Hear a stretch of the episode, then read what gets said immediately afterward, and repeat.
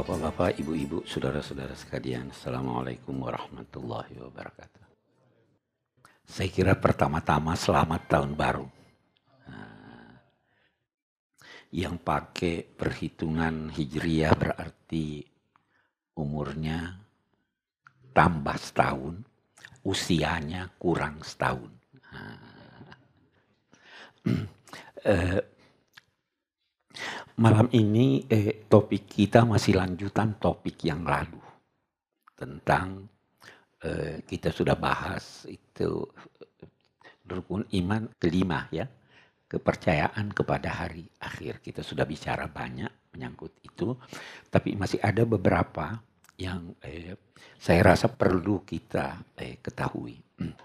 Namun sebelum itu saya ingin menyinggung sedikit itu dalam konteks Muharram. Ulama-ulama sunnah menganjurkan puasa. Mereka sepakat bahwa dianjurkan tanggal 10 Muharram. Ada yang berkata 9 dan 10, ada yang berkata 8, 9 dan 10. Itu dulu satu. Uh, ada kelompok ulama, ulama Syiah yang menilai hadis Nabi yang menganjurkan puasa pada tanggal 10 itu hadisnya lemah. Hadis itu sebenarnya begini, eh, ketika Nabi sampai di Madinah, beliau menemui orang-orang Yahudi berpuasa. Nabi bertanya, mengapa mereka puasa? Dijawab, hari ini 10 Muharram itu, hari ini Allah menyelamatkan Musa dari Fir'aun. Jadi, kata orang Yahudi, kami bergembira dengan penyelamatan itu, maka kami berpuasa. Nah, ini kata Nabi, kita lebih wajar untuk berpuasa dari mereka. Karena Nabi merasa bahwa hubungan Nabi dengan Nabi Musa itu lebih sesuai, lebih akrab daripada hubungan orang Yahudi dengan Nabi Musa.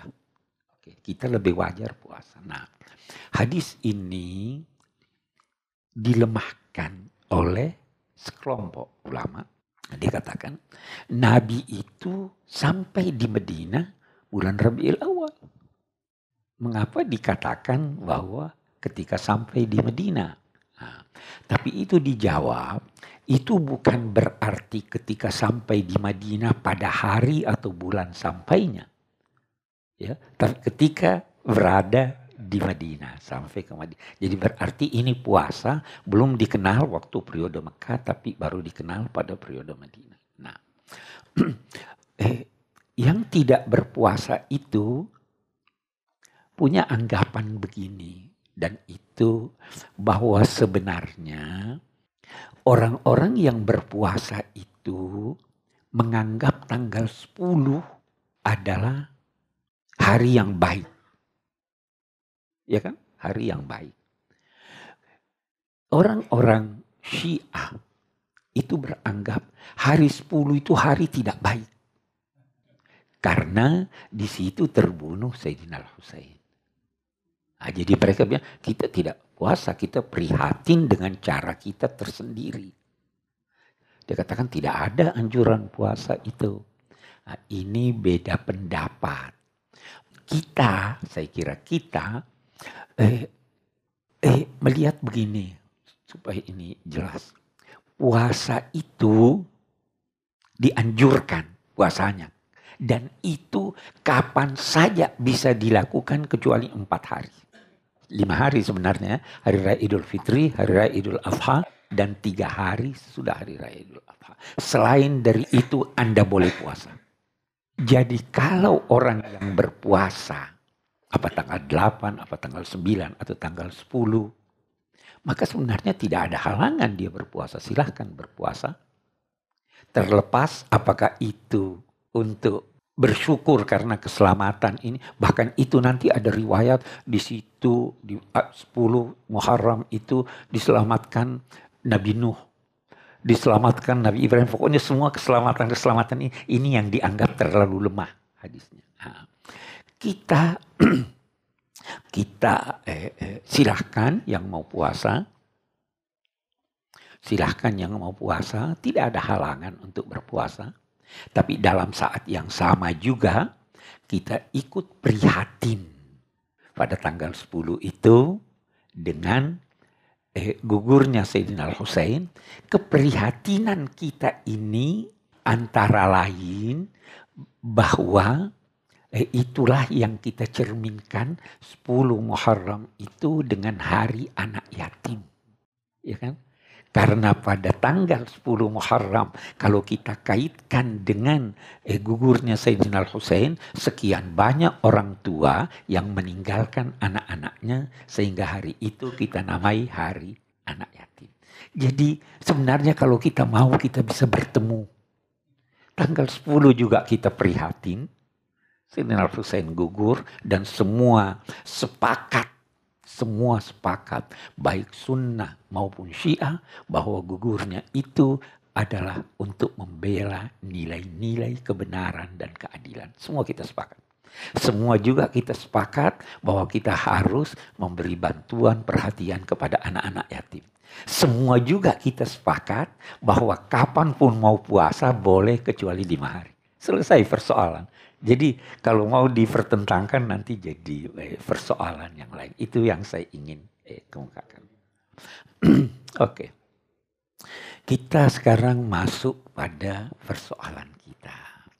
Persoalan eh, percaya pada hari kemudian.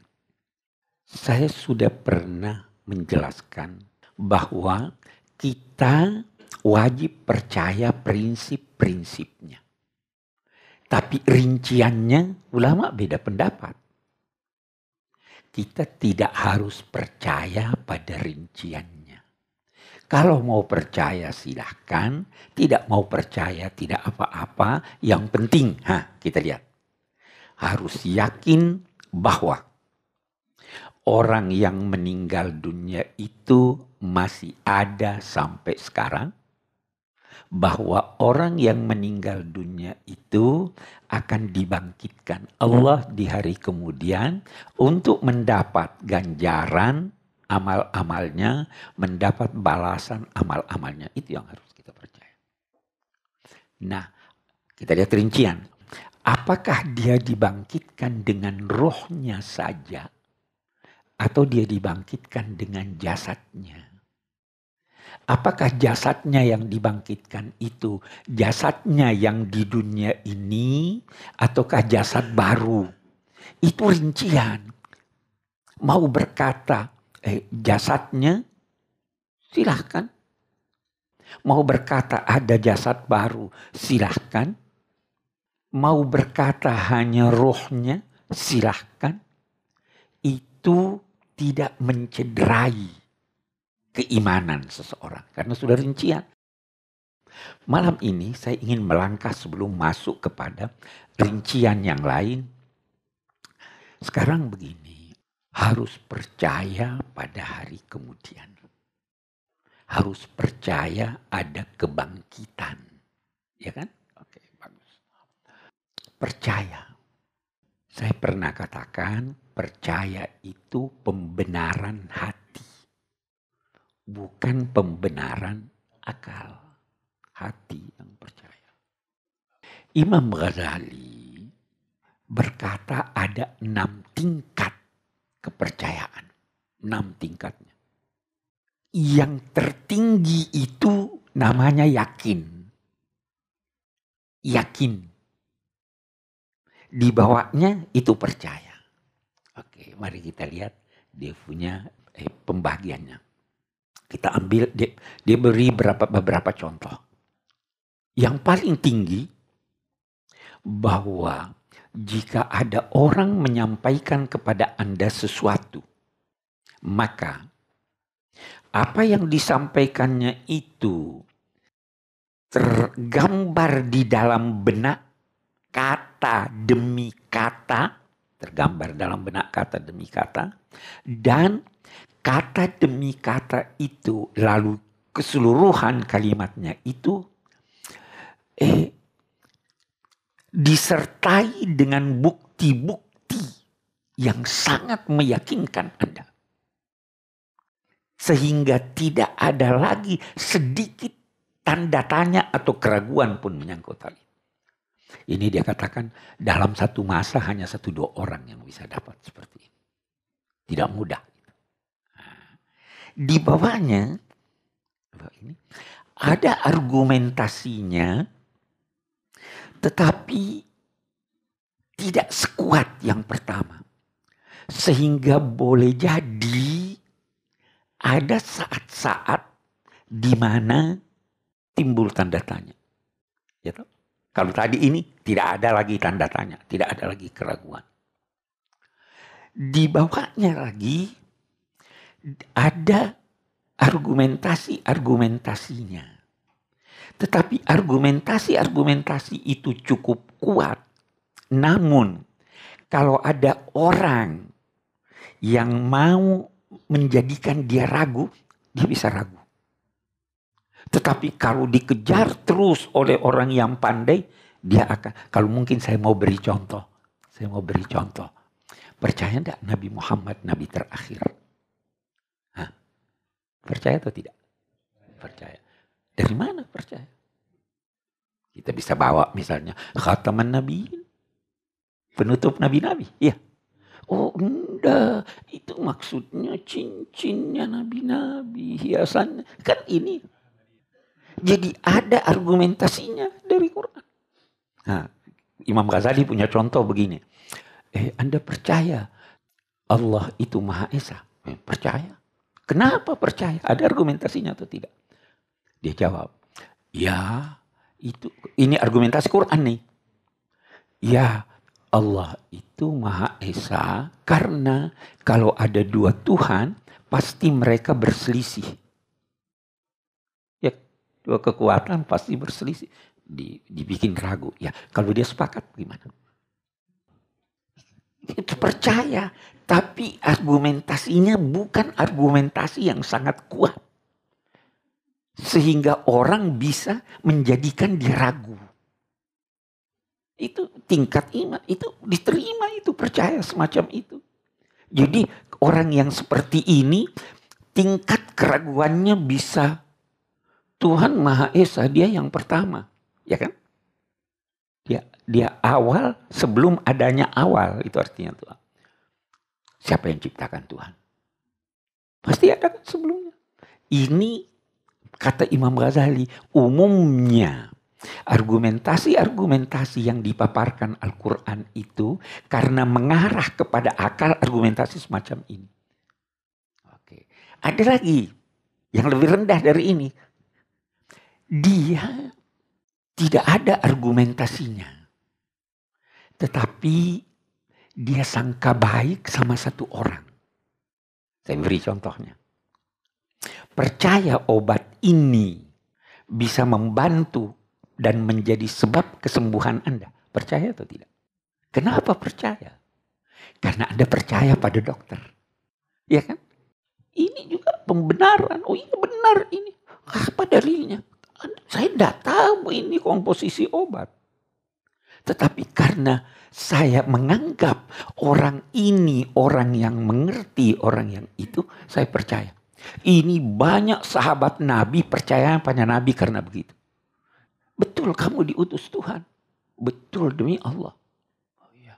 Betul ya, Tuhan memerintahkan begini. Ya betul. Oke deh saya percaya ini wajahnya bukan wajah pembohong. Itu tingkat tingkat yang terakhir yang paling rendah. Ini saya beri contohnya. Apa yang disampaikan itu yang didengar oleh telinga Anda itu sesuai dengan keinginan Anda. Tidak ada dalilnya, siapa pun yang bilang Anda langsung percaya. Saya kalau menerangkan kepada mahasiswa, saya katakan begini. Ada satu orang senang sama satu cewek. Artinya senang. Datang temannya beritahu, eh itu anu itu perempuan senang sama kamu. Dia percaya atau tidak? Kenapa dia percaya? Karena kebetulan sesuai tidak ada dalilnya, tidak ada ininya. Yang sampaikan dia boleh jadi temannya yang sekali-sekali bohong. Tapi dia percaya karena ini. Itu tingkat percaya. Nah, kata Imam Ghazali, apa pun tingkat kepercayaan Anda selama Anda percaya, ada argumentasinya atau tidak ada, hanya udahlah. Rasanya tidak mungkin ada wujud dua Tuhan.